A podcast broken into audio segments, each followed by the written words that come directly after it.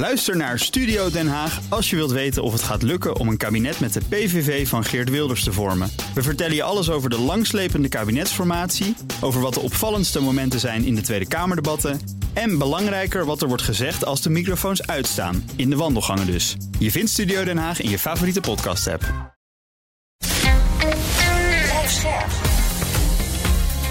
BNR Nieuwsradio. Boekenstein en de Wijk. Hugo Reitsma. White supremacists and right like me to condemn? Proud Boys and right Proud Boys. Will you shut up? Listen, are you in favor of law and order? You asked a question, let him finish. Law and order. Let him, let him, Protect Mr. people President, I'm the moderator of this debate. But you I just want to make sure. I. I, I, I want to make sure. You ordered last in your class. I, first in your I, Hebben jullie er ook weer zo'n zin in? President Biden bevestigde deze week zijn kandidatuur voor de presidentsverkiezingen van volgend jaar. Trump deed het al eerder, dus krijgen we waarschijnlijk een reprise van dit circus. Welkom bij Boekenstein en de Wijk. Op zoek naar de nieuwe wereldorde gaan we weer eens lekker Amerika watchen. Met Arjan Boekenstein, Rob de Wijk en Victor Pak, Amerika-deskundige voor Elsevier. Hoi Victor. Goeiedag. Hebben de Amerikanen daar ook weer zin in? Nou, als je kijkt naar de peilingen over de kandidaten, dan is het antwoord nee eigenlijk. En ik kan me voorstellen dat je, zeker als je in die drukke staten woont, waar echt die presidentskandidaten af en aan vliegen, dat je eigenlijk denkt, oh laat mij nog even bijkomen van die midterms, alsjeblieft zeg. Ja. Dat was al zo'n feest. En natuurlijk de vorige presidentsverkiezingen eindigden in geweld. In, in, in een poging tot staatsgreep zelfs. Moeten we ons opnieuw zorgen maken op die manier?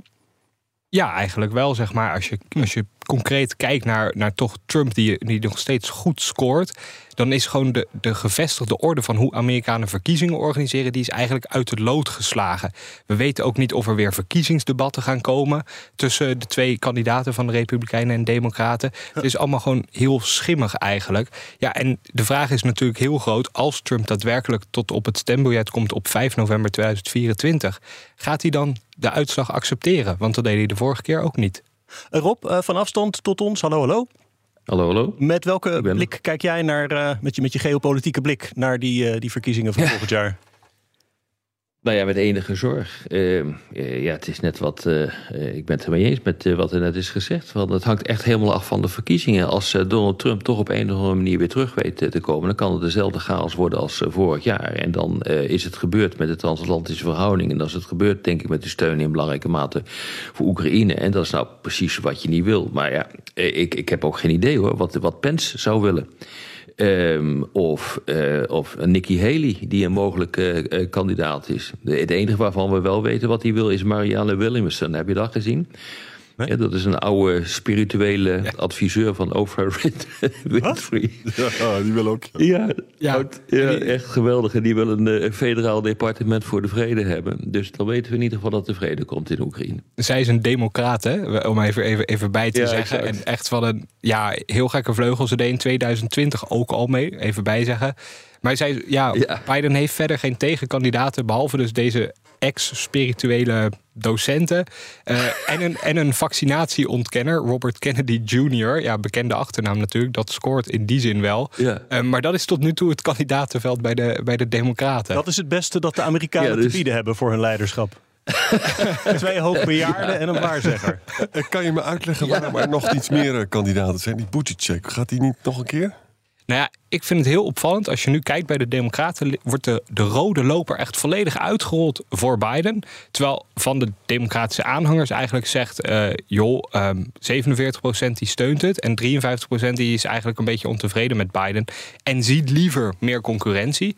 Maar de, de partij heeft alles zo eh, opgesteld. Zelfs het, het programma van de voorverkiezingen is helemaal op maat gemaakt voor Joe Biden. Zijn favoriete staat, South Carolina, mag als eerst naar de stembus. We gaan niet meer eerst naar En Iowa. En komt, dat- hoe komt dat weer? Komt dat omdat de partij zelf denkt dat Biden de enige is die Trump uit het Witte Huis kan halen? Eigenlijk wel. En komt dat ook omdat Biden de man is die probeert links en rechts binnen de Democratische Partij een beetje te ver- verenigen?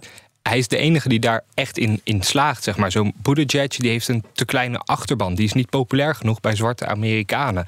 Kamala Harris is gewoon wankel als vicepresident. Die komt er niet echt tussen. En Biden zou gezegd hebben... ik heb gewoon niet het geloof dat zij Donald Trump uit het Witte Huis kan houden. Dus ik ga maar weer. Maar dan ga je, zit je dus met een 80-jarige. Eh, ja, eh, 82 als hij opnieuw geïnaugureerd zou worden in 2025. Januari 25 is dat. Dan is Biden 82 en hij blijft dan zitten tot en met zijn 86ste. En is er geen, is er geen enkel scenario denkbaar dat er bijvoorbeeld een soort, soort, soort Obama-achtig type opstaat die fantastisch kan oreren en kan debatteren? Nou ja, kijk, als je, als je je vraagt waar zit de onvrede bij de Democratische Partij, is dat op de linkervleugel. Ja. Maar Bernie Sanders heeft, volgens mij was dat woensdag onze tijd, dus een dag na Biden, meteen gezegd: ik steun Biden, ik ga niet meer op voor het presidentschap. Terwijl hij toch een beetje de nar was de afgelopen twee keer, Ja. in 2016 en 20. Maar ja, het enige wat ik kan bedenken, en ik zou het gewoon leuk vinden, omdat ik, ik hou van verkiezingen, ik hou van die strijd, dat, dat ook een beetje theater is natuurlijk in de Verenigde Staten. Ja, eigenlijk hoop ik dat Alexandria Ocasio-Cortez een gooi doet. Zij zou het mogen doen voor het eerst in 2024. Zij wordt namelijk 35 jaar oud, de minimumleeftijd eh, om president te worden vlak voor de verkiezingen.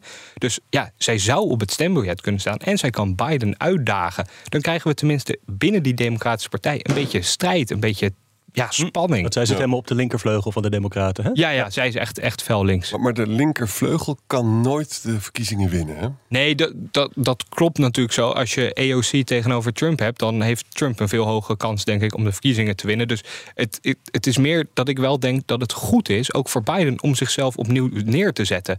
Als hij alleen maar die, die spiritueel docenten en een vaccinatieontkenner tegenover zich heeft staan. Ja. Ja. dan heeft hij ook niks om zich te profileren. Dan kan hij, kan hij het wel hebben over dat hij Amerika na de COVID-crisis best wel weer goed economisch heeft laten draaien. Maar ja, dan zegt die vaccinatieontkenner: ja, maar het is allemaal eh, een WEF, eh, eh, festijn. Het slaat nergens op wat we überhaupt hebben zitten doen met corona. Dus dit, dit is allemaal leugens, zeg maar. Dan kom je daarin terecht. Ja, dat, moet, dat is natuurlijk niet serieus nemen. Hugo, mag ik een vraag over Trump stellen? Nou, het is eigenlijk mijn baan, is dat. Oké. Goed, dus vraag je, Ga je gang. Je bent nu toch al begonnen. maar ik vroeg het toch heel Ja, benieuwd. klopt. Ja. Hey, ik ben zo geïnteresseerd. Ehm, de, de kansen van Trump. Hè? We hebben een aantal problemen. Het eerste is die voortdurende rechtszaken die ik allemaal een beetje probeer te volgen. Daarvan zeggen dan de experts: ja, dat is allemaal leuk, Arendtjan, dat je daarop hoopt dat hij daarop struikelt. Maar dat maakt eigenlijk zijn aanhang, die maakt het allemaal niks uit. Hè? En dan hebben we Tucker Carlson. We moeten echt even over Tucker Carlson praten. Ik vind Fox het- News, host. ja, Hugo, stel je nou voor, jij bent een Trump-stemmer. En je houdt van Trump en Trump is allemaal geweldig. Maar je houdt ook van Fox News. Want dan kijk je elke dag naar en je keek... En Tucker Carlson was een grote meneer, want die zei allemaal juiste dingen, toch? Nou, vervolgens lees je dan nu ergens in de krant, ik hoop dat je dat leest, van... Ja, dat Tucker Carlson, die hield eigenlijk helemaal niet van Trump. Die vond het eigenlijk een klootzak. Daar komt het Ja. letterlijk op neer. Zou dat nou niet bij sommige mensen zeggen van... Hey, dat is toch wel raar. Of gaan ze dan gewoon zeggen, nou, dan is Tucker Carlson een heel slecht mens... en Trump moet onder alle omstandigheden, is dat gewoon mijn profeet. Hoe werkt nou zoiets? Ja, hoe we- dat, vraag ik, dat vind ik wel een heel moeilijk te beantwoorden vraag.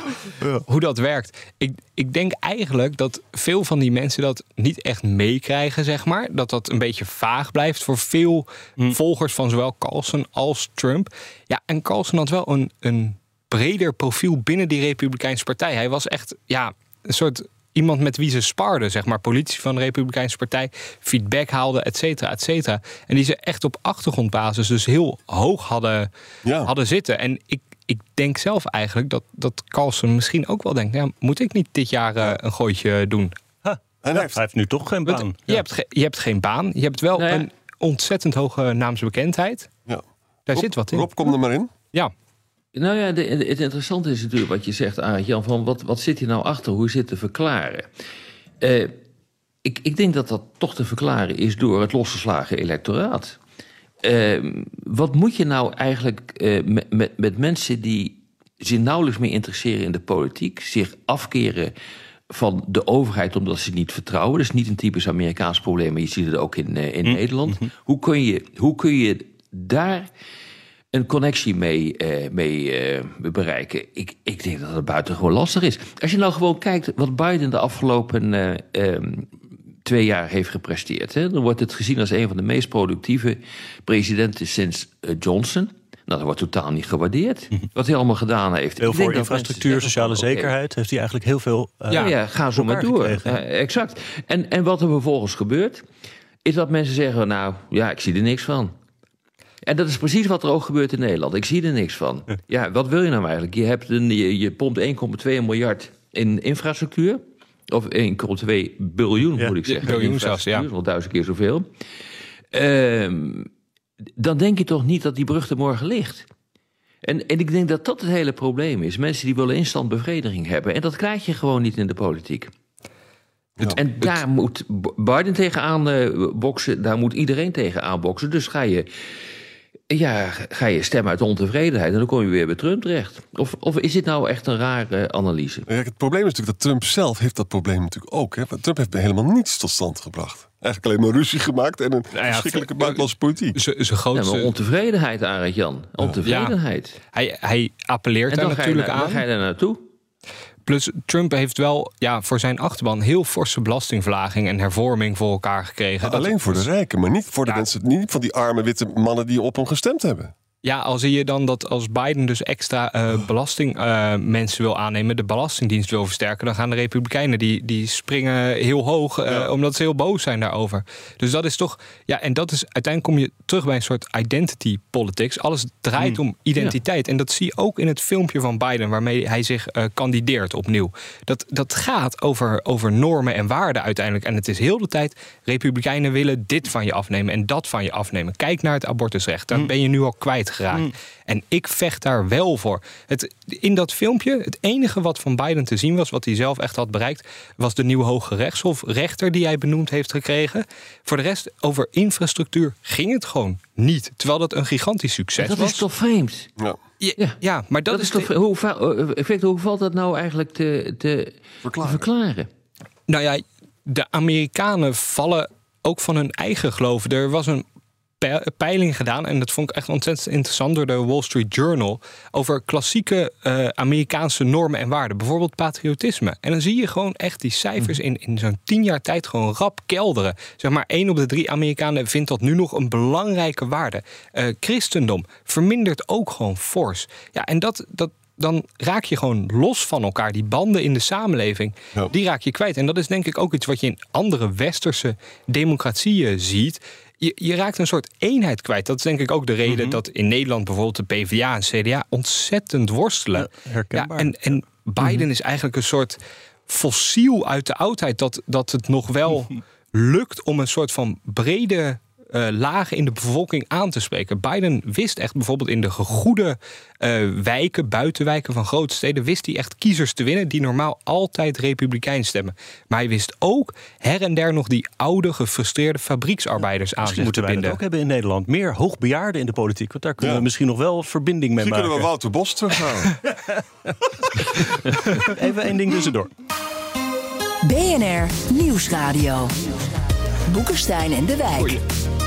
Op zoek naar de nieuwe wereldorde. Dit is Boekenstein en de Wijk. En dat programma is natuurlijk niet zonder Arend-Jan Boekenstein en Rob de Wijk. Mijn naam is Hugo Reitsma en we praten met Victor Pak van Elsevier... over de Amerikaanse presidentsverkiezingen alweer eind volgend jaar. Hey, en we hebben nog niet heel erg concreet op Trump ingezoomd en zijn positie... want er lopen zoveel rechtszaken tegen hem. Arend-Jan probeert het te volgen. Ik ben al lang de draad kwijtgeraakt. Kan hij daar nog over struikelen voor de verkiezingen? Definieer struikelen. Als de vraag is, kan hij dan eh, niet op het stembiljet komen staan? Hm? Dat, dat is eigenlijk uitgesloten. Er is wel eens iemand die in de bak zat, stond toch op een stembiljet. Dat is wel begin eh 20e eeuw, geloof ik. Hij kan er gewoon op. Dus, dus dat kan als, als je het zo strak definieert. Maar wat gaat het met kiezers doen? Dat is natuurlijk de grote vraag. En ook hoe gaan concurrenten zijn rechtszaken inzetten? Je zag bijvoorbeeld Ron DeSantis, succesvolle gouverneur van Florida, Ja. populair binnen de Republikeinse Partij. Die zag je al zeggen toen Trump werd aangeklaagd wegens Stormy Daniels, de eh, betaling aan de pornoactrice. Eh, die zei zoiets van: Ja, het is een schande dat hij vervolgd wordt door zo'n democraat. Maar ja. Wie, wie betaalt er nou ook zoveel geld aan een pornoactrice? een pornoactrice, dat is toch vreemd? Ja, ja, nou ja, dan, dan neem je het op voor Trump, maar je maakt hem ook helemaal kapot eigenlijk. En dat zullen we misschien wel vaker gaan zien, want er lopen een flink aantal eh, rechtszaken. Er loopt er nog één in New York, er loopt er één in Georgia en er lopen er twee vanuit het ministerie van Justitie. En die laatste twee zijn eigenlijk het serieus. Ga, zijn het meest serieus te nemen. Het gaat over de meegenomen geheime documenten van Trump. Nou, dat waren dozen en dozen vol die hij onder meer in Mar-a-Lago had. Eh, en de andere gaat natuurlijk over 6 januari, over Trumps aandeel in die mislukte staatsgreep. Ja, Eh, Over die staatsgreep gesproken. Pence, die is deze week gehoord. Hè?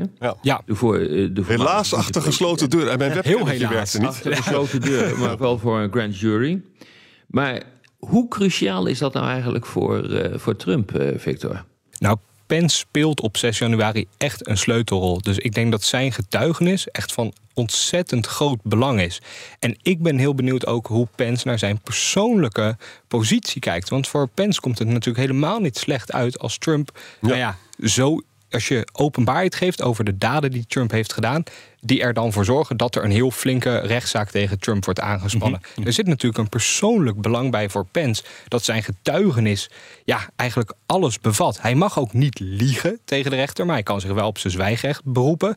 Dus dat is natuurlijk een interessante afweging ook- voor Pence zelf. Het, is ook Shakespeare. Hij is zo vernederd altijd Ja, door, door kapot Trump, gemaakt. En, nu, en alle feiten zijn er eigenlijk al. Ik bedoel, eh, Pence zat in dat eh, kapitaal, weet je wel. Moest, moest vluchten en weet ik allemaal wel niet. Het was De, allemaal aan- verschrikkelijk. de aanhangers riepen buiten natuurlijk hang Pence op. Ja. Er stond de galg klaar en alles. Het was ongelooflijk. Ja, Kan hij nog mee gaan doen? dat denk ik maar, maar, wel. nog- maar nog even terug, nou, toch nog even terug naar die vraag van wat de kansen nou eigenlijk zijn van eh, eh, Trump. van, eh, Trump hè.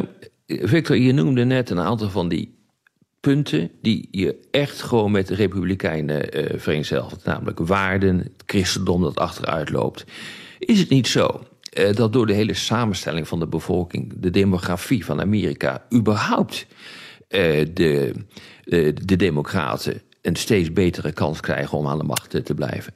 D- Dit is een theorie die je vaak hoort en ik ben er geen aanhanger van. En dat komt simpelweg omdat je ziet dat dat kiezers in beweging zijn en dat altijd blijven. De Democraten wa- waren de partij, als je kijkt waar Obama won, of zelfs als je Ja. kijkt waar Bill Clinton won. Bill Clinton won eh, in Louisiana. Dat kan je nu niet meer voor mogelijk houden. Zo diep republikeins is die staat. Er zijn altijd dat soort bewegingen. En nu zie je bijvoorbeeld bij de kiezers met een Latino-achtergrond, die schuiven echt op naar de Republikeinse partij. Omdat ze conservatieve waarden zijn, omdat ze katholiek zijn vaak. Ja, vaak katholiek, vaak Ja. ook een eigen bedrijf hebben. En dan zijn die belastingverlagingen die Trump bijvoorbeeld heeft doorgevoerd, Ja, opeens heel populair.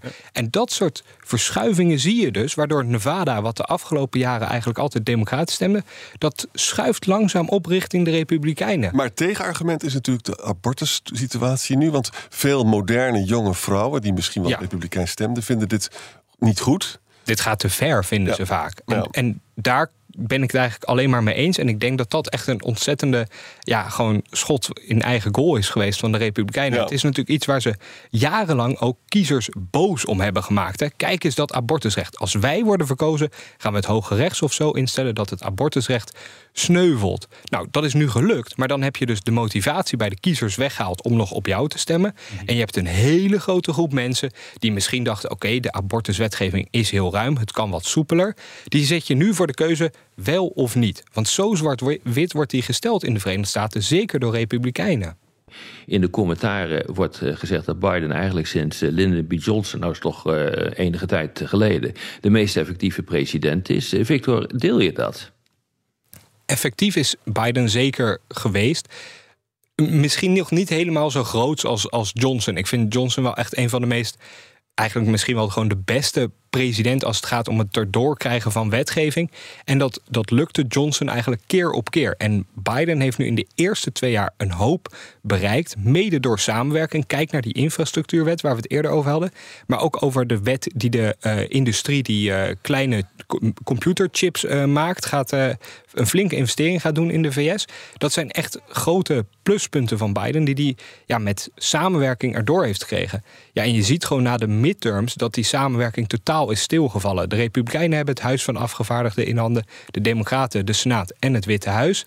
Ja, en het lukt nu gewoon niet meer. En het, als het serieus zo doorgaat, dan dreigen de Verenigde Staten zelfs failliet te gaan komende zomer. Omdat er geen akkoord kan worden bereikt over dat schuldenplafond. En dit vind ik wel echt een cruciaal punt waarop Biden zou moeten laten zien dat hij die partijen nog steeds tot reden weet te brengen. Vooral dat hij de Republikeinen weer om tafel weet te, te krijgen. En voorlopig zit Biden hier zelf ook echt met de hakken in het zand in. Ja. Even, even een klein... Maar wat mij eh, echt opvalt hè, met eh, betrekking tot Biden, is eh, dat de mensen het gewoon niet zien of niet willen zien wat daar gebeurt. Ik, ik, ik deel de mening dat het inderdaad een effectieve president is. Als je gewoon op een rijtje zet wat het de afgelopen eh, eh, jaren is bereikt, dan is het tamelijk indrukwekkend. Ook internationaal heeft hij Amerika weer op de kaart eh, eh, gezet met zijn top eh, voor democratieën, zijn AUKUS pact eh, met, eh, de, met, met de Australiërs en de Britten, eh, zijn eh, escapades in eh, Oekraïne. Nou, ga zo maar door. Hè. Dus je zou zeggen, wat dit is een president. Die staat ervoor, die staat ook voor die internationale samenwerking. En het wordt totaal niet gezien in eh, de Verenigde Staten. Ik denk dat een van de redenen eh, waarom eh, Biden niet scoort zoals hij zou moeten scoren, is het feit dat hij ge- geframed is als Sleepy Joe. En dat heeft ook te maken, niet met zijn leeftijd, maar het heeft veel meer te maken bijvoorbeeld met het feit dat het een stotteraar is. Dus hij, het, het spreken kost hem moeite, dat moet hij bepaalde technieken toepassen. En ik denk dat dat een hele belangrijke reden is eh, waarom die een, de perceptie heeft dat hij bijna in slaap valt. Maar dat is niet zo. En dat het een slappeling is. Maar dat is niet zo. Want het is volgens mij een van de meest harde presidenten die ik tot nu toe heb meegemaakt. Biden werkt wel heel hard. En om jou gerust te stellen over die waardering voor Biden, wat wel belangrijk is, is eigenlijk dat we dat je bij vrijwel iedere Amerikaanse president, zeker in de, in de moderne geschiedenis of recente geschiedenis, de laatste vier, vijf, dan zie je dat op dit moment, zeg maar, dus zo'n nou, grofweg anderhalf jaar voor de volgende stembusgang voor het presidentschap, staat iedereen op een dieptepunt in de peilingen. De midterms zijn geweest. eh, je zit in die tweede, tweede fase van je presidentschap. En kiezers hebben het even met je gehad. Dat zagen we bij Obama. Dat zagen we ook een beetje na Trump. Maar dat zagen we ook bijvoorbeeld bij George Bush. Dus het is niet heel gek dat dit gebeurt. De enige vraag die er eigenlijk leeft: kan Biden zijn populariteit weer herstellen? En dat kan natuurlijk als je campagne gaat voeren. Als je die kiezers weer eens gaat wakker schudden met: kijk eens die infrastructuurwet. Vorig jaar lag er nog geen brug voor jou. Maar kijk eens, de mannen staan aan- langs de kant van de weg. Ze zijn ermee bezig. Er wordt gebouwd. En dat heb ik voor jou voor elkaar gekregen. Maar dan het punt van dat Dus je moet, die, je, moet die, je moet die kiezers als een soort kinderen behandelen. Daar komt het feitelijk op neer. Dat is wat je zegt. Maar wat hier ook mee te maken heeft, kijk, die opmerking van Sleepy Joe, hè, dat was van Trump naar Biden toe. En dat was dus ongelooflijk gemeen en heel erg effectief eigenlijk ook. Hè. Dat, dat wordt dus een strijd straks weer. Op dat, dat lage niveau vindt de strijd eigenlijk van. Dus je moet ook gaan kijken naar mensen die dat ook kunnen. En dan zonder de, de, de, de, de extravagante dingen van Trump. Laat ik het zo deftig formuleren. Nou, iemand die dat natuurlijk ook kan, is die idiote Tucker Carlson. Die kan dat ook. Die is zeker heel filijn, ja. Het is ongelooflijk filijn.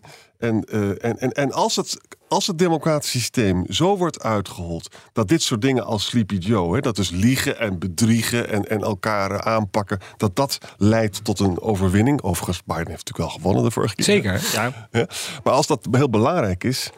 Dan, eh, dan ben ik toch heel erg bang dat er een gerede kans is dat Biden dat niet gaat redden. Omdat dat gaat niet over de inhoud. Het gaat over de stijl en over hoe je overkomt en je karakter en weet ik allemaal wel niet. Maar juist die stijl zorg, Biden's stijl zorgde er ook voor dat hij juist won. Want hij was de rustige, de bekende, vertrouwde blik. Die, die beloofde van, jongens, de, de afgelopen vier jaar waren gestoord. Zo heeft hij gewoon gezegd. Hij, de, noemt hij het altijd, gekkigheid. Ja. Dat, dat gaan we niet meer doen. Ik breng rust. Ja. En dat is denk ik ook waarom de kiezer voor Biden viel, als het ware. Dus dat, en dat kan nog steeds een krachtig argument zijn. Alleen nu heb je ook de daden van jezelf die je moet gaan verkopen aan de kiezer. En daar moeten wij in Europa en de NAVO en Oekraïne dan maar op hopen. Met samengeknepen billen afwachten tot november eigen- volgend jaar. Als je je eigen krijgsmachten afschaft, dan, eh, dan is dat wat je moet Nou ja, doen. Wij hebben ons afhankelijk gemaakt van die Amerikanen. Wij doen die, die 2% norm. En wat vonden we toch belachelijk eigenlijk dat Trump daar maar zat op te hameren. Dat hij zelfs dreigde met die NAVO op te doeken.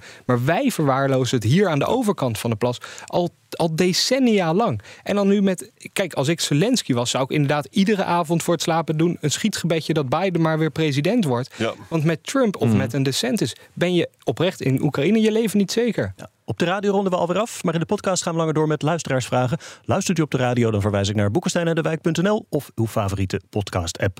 En naar bnr.nl slash theater voor onze tourdata, want dat begint al over een week of drie weer. Hè? Het is ongelooflijk zo snel als dat gaat. Met al die knappe O jee. professoren die worden ingevlogen. Ja, ja, ja, ja. Boekenstein en de Wijk voorspellen de toekomst. Met deskundigen en met de zaal gaan we de nieuwe wereldorde beschouwen. Maar ook over democratie en over technologie en over AI. Er komt een fantastische avond over AI. Ja. Wordt echt smullen. Kijk op bnr.nl slash theater.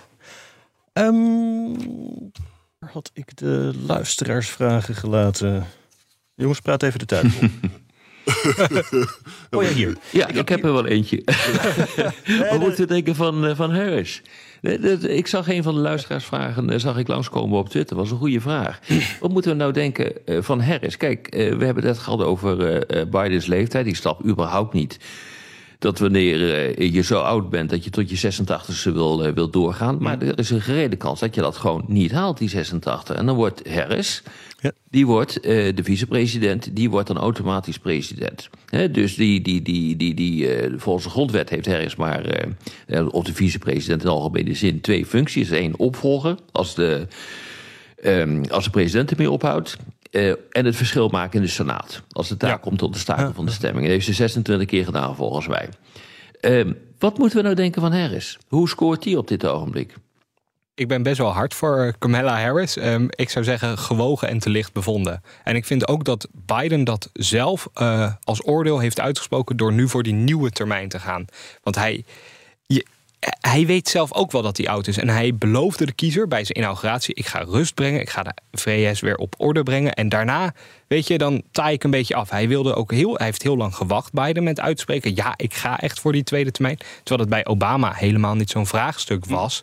Ja, en ik denk toch dat, dat ehm, Biden niet zo heel veel vertrouwen had in Harris. Harris was ook niet zijn favoriete keus voor dat vicepresidentschap. Het was vooral een strategie, strategische keus, omdat het een vrouw moest zijn van Afro-Amerikaanse afkomst. En dat is zij natuurlijk. En die belangrijke kiezersgroep, die neemt zij wel mee. Zij laat ook wel zien natuurlijk in het Witte Huis van... joh, ik ben er. Alleen ze wordt voor ontzettend vervelende klusjes gevraagd... die ze nooit succesvol kan afronden. Bijvoorbeeld de hervorming van het Amerikaanse kiesrecht. Ja, no way dat dat ging lukken. Nou, daarnaast is ze opgezadeld met integratie en immigratie. Nou, gaat het ook heel lastig worden. Dus dat, daar, dat lukt dan niet. Ja, en dan voor de rest dan blijft ze een beetje zitten met bijvoorbeeld een Afrika-reis afgelopen weken. Ja, en daar laat ze zichzelf wel zien. Maar af en toe komt ze er toch niet heel lekker uit.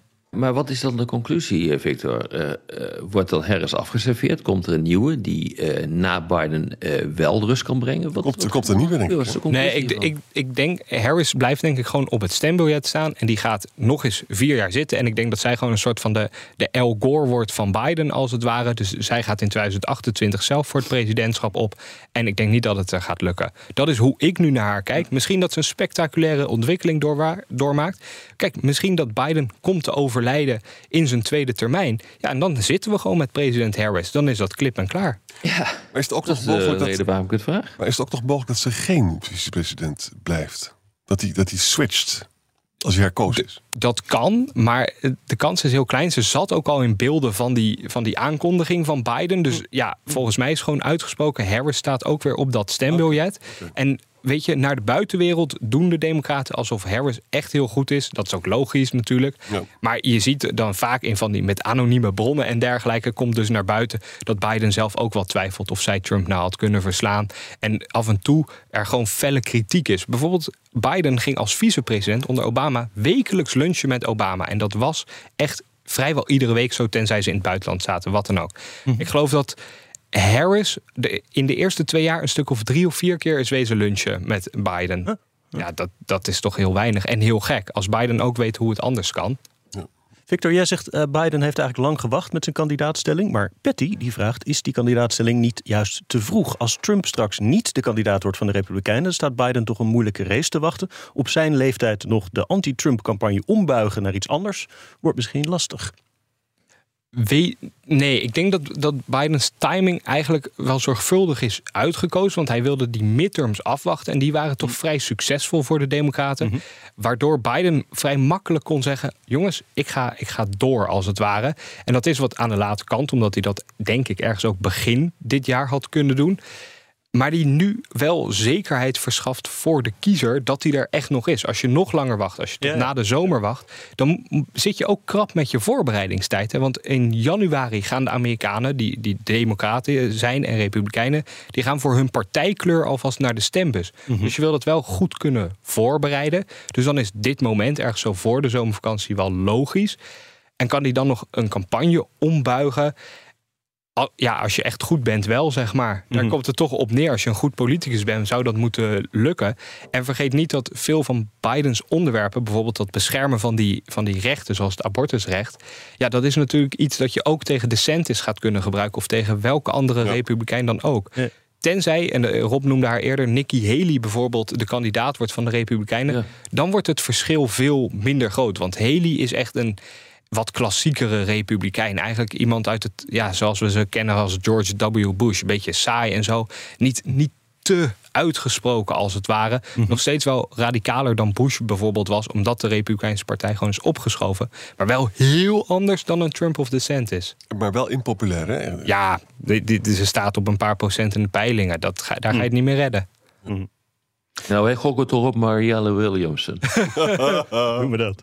Joris ten Berg, eh, die zegt... third-party candidates zijn over het algemeen kansloos. Maar is dat nu nog steeds zo? Zou een onafhankelijke kandidaat een kans maken... in de strijd tussen Trump en Biden? En wie, wie zou dat dan kunnen?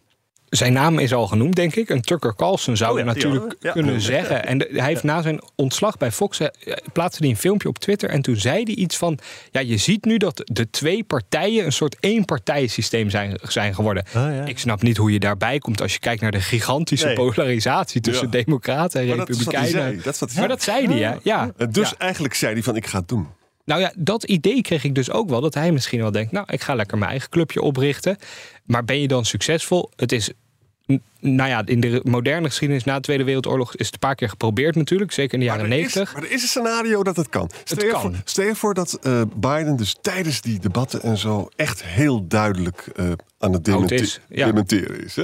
Dan laat ik het zomaar Maar wat zou dat dan noemen. voor man zijn? Ja. Die Tucker Carlson. Ah, Jan, wat zou dat dan voor man zijn, die, Tu- die Tucker eh, Carlson? Ik bedoel, het was natuurlijk een rabiate eh, tv-presentator voor Fox. Hij, was, hij, was, hij Eh, werkte eerst bij CNN. Hoe moet je zo'n man dan duiden? Wat Nou, is dat voor iemand dan? Nou, hij werkte eerst voor CNN, Crossfire. Hè? Ja. Eh, daar is Ja. hij door, eh, John Stewart toen helemaal afgemaakt. En toen is hij zijn baan kwijt. En toen is hij naar Fox. Is hij volkomen geradicaliseerd. We weten dus nu dat hij helemaal nergens in geloofde. Maar hij heeft wel dus al, alle Mexicanen zijn rapists. Hè? Eh, hij gelooft in de, eh, het- het Poetin. Antifax en Ja. de hand van Poetin. Het is allemaal vreselijk. Maar ik begin zo langzamerhand te geloven dat al die vreselijke dingen... dat wordt je kennelijk allemaal niet nagedragen. Hè? Dus als dus Biden dementeert... en tegelijkertijd ook eh, Trump door die rechtszaken... toch een hele serieus probleem... dan kan zo'n derde jongen er doorheen glippen. Dat, dat kan. Ik weet niet of Ja, Carlson dat echt zo- kan. Want Wat is dat dan voor iemand? Carlson is een Totale opportunist. Een Ja. totale opportunist. en nihilist als het ware. Ik heb Ja. niet het idee dat hij echt in veel gelooft of voor veel dingen staat. Behalve dat ja, soort wensbeeld van Amerika zoals het vroeger was. Maar dan kom je nog eh, soms uit van voor de rassensegregatie, krijg je het idee. Ja. Dus dat lijkt me niet heel kansrijk als het ware. Maar dit- het, het, is nooit helemaal uit te sluiten. Maar veel waarschijnlijker is het altijd bij derde, derde partijkandidaten of onafhankelijke kandidaten. Die, die vreten ofwel een deel van de Republikeinen leeg, ofwel een deel van de Democraten. En daar heeft dan een van die twee gevestigde partijen dan heel groot voordeel van. Ja. ja. Maar nu wordt het wel heel spannend. Want het is natuurlijk mogelijk dat Trump eh, vast komt te zitten. En het is ook heel goed mogelijk dat Biden impopulair wordt. Omdat iedereen denkt van ja, dit is dan toch niet heel erg fit, dit. Huh? Ja, Hoe denkt Tucker Carlson over de NAVO? Eh, dat, dat, ja, dat- vindt hij een verschrikkelijke organisatie. Ja? Dat is Ja. Maar hij is opportunistisch genoeg. want Het, is namelijk, het gaat hem alleen maar om de macht. Hè? Om daarop te draaien. Op invloed, ja, dat idee krijg je wel. Zeker als je naar zijn veranderingen in de, de loop der jaren kijkt, zeg maar. Hij weet gewoon dat hij die, die harde kern, harde republikeinse kern, die heeft hij altijd proberen aan te spreken in zijn tv-programma. En dat is hem gelukt. En daar heeft hij gewoon ook, denk ik, echt de macht wel heeft, heeft mee verkregen binnen de Republikeinse Partij. Is het een beetje als eh, Arnold Karskens hier premier zou worden? Dat je het daarmee vergelijken? Jawel, maar, maar dan wel. Maar bedenk wel. Maar Tucker Carlson is zo'n. Ik vind het dus echt afschuwelijk. Hè, maar het is zo'n succesvolle presentator. Die precies weet wat mensen willen horen. En daarop aan. Nou, succesvol wel even. ja. Er kijken grofweg tussen de 3 en 8 miljoen Amerikanen s'avonds laat naar hem, zeg maar, in dat wekelijkse programmering. Dat is natuurlijk niet heel erg veel. Hè. Er zijn eh, meer dan 300 miljoen Amerikanen. Dus dat is wel om er even een kanttekening bij zijn populariteit te plaatsen. Maar hij heeft wel een hoge naamsbekendheid. Want Trump, scoor-. Trump scoorde niet veel beter in zijn periode als tv-ster. Ja. Alleen die naamsbekendheid die je verkrijgt, dat helpt ontzettend als je naar de kiezer toestapt. Want dan denken ze, oh, die ken ik. Waar ken ik hem van? Nou, geen idee. Wel bekende naam. Ja, ah, let's doen we go. die maar. Ja. Ja, Jan-Paul Hof die vraagt: Weten jullie of de democratische rot van de VS nog een beetje op het menu staat om aangepakt te worden? Bijvoorbeeld gerrymandering, het vastgeroeste twee-partijen-systeem, de filibuster, et cetera, et cetera. Of moddert de VS voor eeuwig door? Jij zei inderdaad, Victor uh, Kamala Harris was hier mee bezig, maar niet met heel veel succes. Nee, Hoe gaat dit een rol spelen bij de komende verkiezingen? Ja, er zijn een aantal aspecten in die vraag. Als je de filibuster neemt, ik geloof niet dat dat ooit echt veranderd gaat worden. Ook omdat die beide partijen in de Senaat, die regel dat je eigenlijk alles met een soort tweederde meerderheid moet doorkrijgen, ehm, die is zo belangrijk. Want als jij hem afschaft, dan weet je dat als de macht een keer verandert, dan he- heeft de andere partij er voordeel van en kan alles ongedaan maken wat jij net doorgevoerd hebt. Dat is zo'n precair evenwicht. Ik, ik, ja, ik zie het voorlopig niet gebeuren. Gerrymandering, dus kiesrechthervorming. Dat, daarvoor moet je eigenlijk inzoomen op, op de staten, dus alle 50 Amerikaanse staten. En dan zie je dat recent in Wisconsin is bijvoorbeeld het Hoge Rechtshof, daar zaten eerst de meerderheid van Republikeinen, is veranderd in een democratische meerderheid. Die kunnen dus een kiesmap klaarleggen of, of maken of goedkeuren, goedkeuren eigenlijk, die eerlijker is. Dus waar de democraten die nu op flink nadeel staan in Wisconsin... wat voordeel van kunnen hebben of dat het in ieder geval eerlijker is. Ja, en van dat soort initiatieven ben je eigenlijk afhankelijk. Dus dan moet je echt per staat bekijken. Ja, en dan zie je altijd weer dat dan in Wisconsin zit het een keer mee voor de democraten... en dus het, het toch een beetje het weghalen van de democratische rot. En dan zit het in een andere staat weer eens tegen. Dat is gewoon... Ik, ik denk dat dit echt doormodderen En blijft. En beide partijen doen het ook. En de Republikeinen Ja. wel heel erg. De Republikeinen doen het het meest. En dan je hebt democraten die in de ene staat zeggen: Oké, we leggen een eerlijke map klaar. We vragen aan een stel politieke wetenschappers: maak een goede, een goede kaart met eerlijke kiesdistricten. Maar dan zie je dat in een andere staat, volgens mij in New York was dat. Dan proberen democraten net zo goed een heel groot voordeel eruit te slepen. Omdat dat, ja, dat is gewoon prettig. Je wil macht hebben. Zo werkt politiek nou heel vaak. Sluiten we af met Handige Harry. Die vraagt: Is Europa krachtiger tegen China met een transatlantische leider, omdat samen sterker? Of een America First president, wat meer ruimte geeft voor een Europese stem? Zo. De ideale situatie is natuurlijk dat Amerika en Europa samen tegenwicht bieden aan China. hè? is- Dat denk ik dat ook, is de ja. ideale situatie. Alleen, eh wij leggen steeds in deze podcast uit dat we daar ver van verwijderd zijn, omdat Amerika met een economische oorlogsvoering bezig is, die Duitsland en Nederland, maar ook eigenlijk andere Europese landen helemaal niet uitkomt. Hè? Ja, ja. Dus eerlijk gezegd, dat betekent dus eigenlijk dat Trump zou voor de Europeanen eh, meer speelruimte bieden. ja, dat Als je wel. het zo ja. bekijkt. Ik vind het een hele goede vraag hoor, die net gesteld is. Alleen het is de vraag natuurlijk. Ik denk dat Europa zelf eigenlijk te zwak is om. Is Europa niet te verdeeld om dus effectief anti-China-beleid dan op eigen eh, Te, hand te voeren? eh, te afhankelijk, hè? Ja, Ja. dat kan wel. Dat kan wel. Je moet wel een groot onderscheid maken tussen eh, economisch eh, beleid waar eh, de Europeanen dat absoluut eh, kunnen. Het probleem is dat we op een aantal gebieden gewoon te ver achter liggen. Op het gebied van eh, kunstmatige intelligentie, chipsfabricage, dat soort dingen. Militair ge- ge- gezien eh, is het natuurlijk hier een zootje, maar dat was de afgelopen 30 jaar ook al. Dus economisch gezien kan dat wel. En eh, heb je, ka- kan je ook de grote interne markt gebruiken om eh die Chinezen toch nog, een of, wel, eh, nog enigszins te beïnvloeden. En dat, eh, nee, dat, kan, dat kan wel op een aantal gebieden, maar niet op alle gebieden. Dan zou ik toch denken dat samenwerking uiteindelijk beter is. En dat is eigenlijk wat we nu toch een beetje zien ook onder Biden. Want Biden heeft die, dat anti-China-beleid van Trump eigenlijk heel weinig aangepast, zeg maar. Soms krijg je het idee dat Biden onbewust, of nou misschien niet onbewust, maar ehm, verdekt, verstopt als het ware, toch echt, echt vrij anti-China is. En, en dat hij wel zegt, ja, ik wil uiteindelijk wel met ze samenwerken, maar dat ligt aan hun. En kijk eens, nu vliegt er een ballon boven ons land. Dus dat gaan we niet doen. Ja, ja en dat, dat hij Europa daar toch wel in mee probeert te krijgen. Te krijgen. En ook Japan Ja, en. Zuid-Korea natuurlijk. En ik vind dat zelf eigenlijk best goed. En het is electoraal geworden ook in Amerika. Zeker. Ja, de- kijk, Republikeinen Nou ja, ga je niet weet meer... je, Victor, Ja? Ik weet niet of dat nou echt goed is. Eh, wat hier Nee? nu gebeurt is een totale polarisatie in eh, de wereld. Ja. Eh, waarbij, en dat heeft Europa aan zichzelf te wijten... omdat we militair geen deuk in een pakje boter kunnen slaan... dus gedwongen worden door die Oekraïne-oorlog... om ook economische zijde van de Verenigde Staten te kiezen. Maar dat willen we tegelijkertijd ook niet. Want wij zien internationale politiek veel meer ook als handelspolitiek. Ja. Dus eh, ik weet niet of het nou goed is om op alle punten... met dat keiharde anti-China-beleid eh, van, eh, van Biden mee te gaan. Want hij, ik ben het met je eens. Hij heeft eigenlijk, als ik het goed bekijk...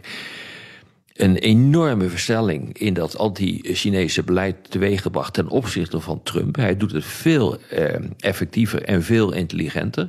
En hij, en hij zorgt er ook nog een keer voor dat hij de Europeanen daarin meekrijgt. Dus hij weet heel goed wat hij aan het doen is op dat gebied. Nee, dit is gewoon om ervoor te zorgen dat Amerika nummer één eh, wordt. En daar moeten de bondgenoten in meegaan. En de vraag is of voor Europa dat altijd het beste eh, scenario is. Want het kan leiden tot een Chinese blokkade. Hè? Ja, En, en, en we zijn afhankelijk van die. Exact, daar worden wij ook de dupe van. Maar de, maar de Chinezen zijn ook bezig ons toch weg te concurreren. Als ik kijk naar bijvoorbeeld de Duitse auto-industrie, zeg maar. Nou, Eens. die, die lopen achter met dat elektrisch rijden. En dan die Chinezen, die trekken gewoon een blik open. En alles komt maar op de boot naar ons toe. En dan denk ik, nou, die Duitse auto-industrie. Ik zou me heel veel zorgen maken. Terwijl wij moeten allemaal aan, de, aan die elektrische auto's. Dus ja, wij maken ons dan nog afhankelijker van China straks. En dan denk ik, ja, ik, ik snap niet dat die. Amerikanen of dat Europeanen zo boos zijn op die Amerikanen die zeggen we gaan ook fors investeren in die werkt- maar Victor, industrie. Het werkt, werkt ook de andere kant op. Er stond een fantastisch stuk in de FT eh, vorige week. Eh, Volkswagen heeft 40 plants in China. hè. Ja, en verdient daar ongelooflijk veel geld. En dan zeggen ze ook heel eerlijk van ja, dat moeten we ook wel doen. Want in Duitsland hebben we zulke milieueisen en zulke hoge energieprijzen. Wij moeten Ja. in China heel veel verdienen. Dus ik zou willen zeggen, de interdependentie is gewoon heel groot. Is- ja. En dat maakt dus een oorlogsscenario, of een blokkadescenario, heel... Dat, als dat, als dat is een rampscenario. dat is een rampscenario. Ja, nee, dat, dat deel ik ook wel. Alleen ik vind dat wij om de, we hebben ons zo afhankelijk gemaakt van die Amerikanen. En dat zijn uiteindelijk is dat gewoon een democratische bondgenoot die min of meer als gewoon sinds we elkaar kennen als het ware wel samen willen werken. En natuurlijk nooit, nooit hun eigen belang uit het oog Als, verliezen. maar als Trump terugkomt, hij heeft de artikel 5 bijstandsclub heeft Ja. vijf keer gerelativeerd. Nee, de- ja, hij wil, ik denk als Trump terugkomt dat je de NAVO af kan schrijven. Now we're talking. Ja, We zijn weer klaar. Dit was weer Boekenstein in de Wijk. Namens Arend-Jan Boekenstein en Rob de Wijk zeg ik dank voor het luisteren. Speciale dank aan Victor Bak en fijn weekend.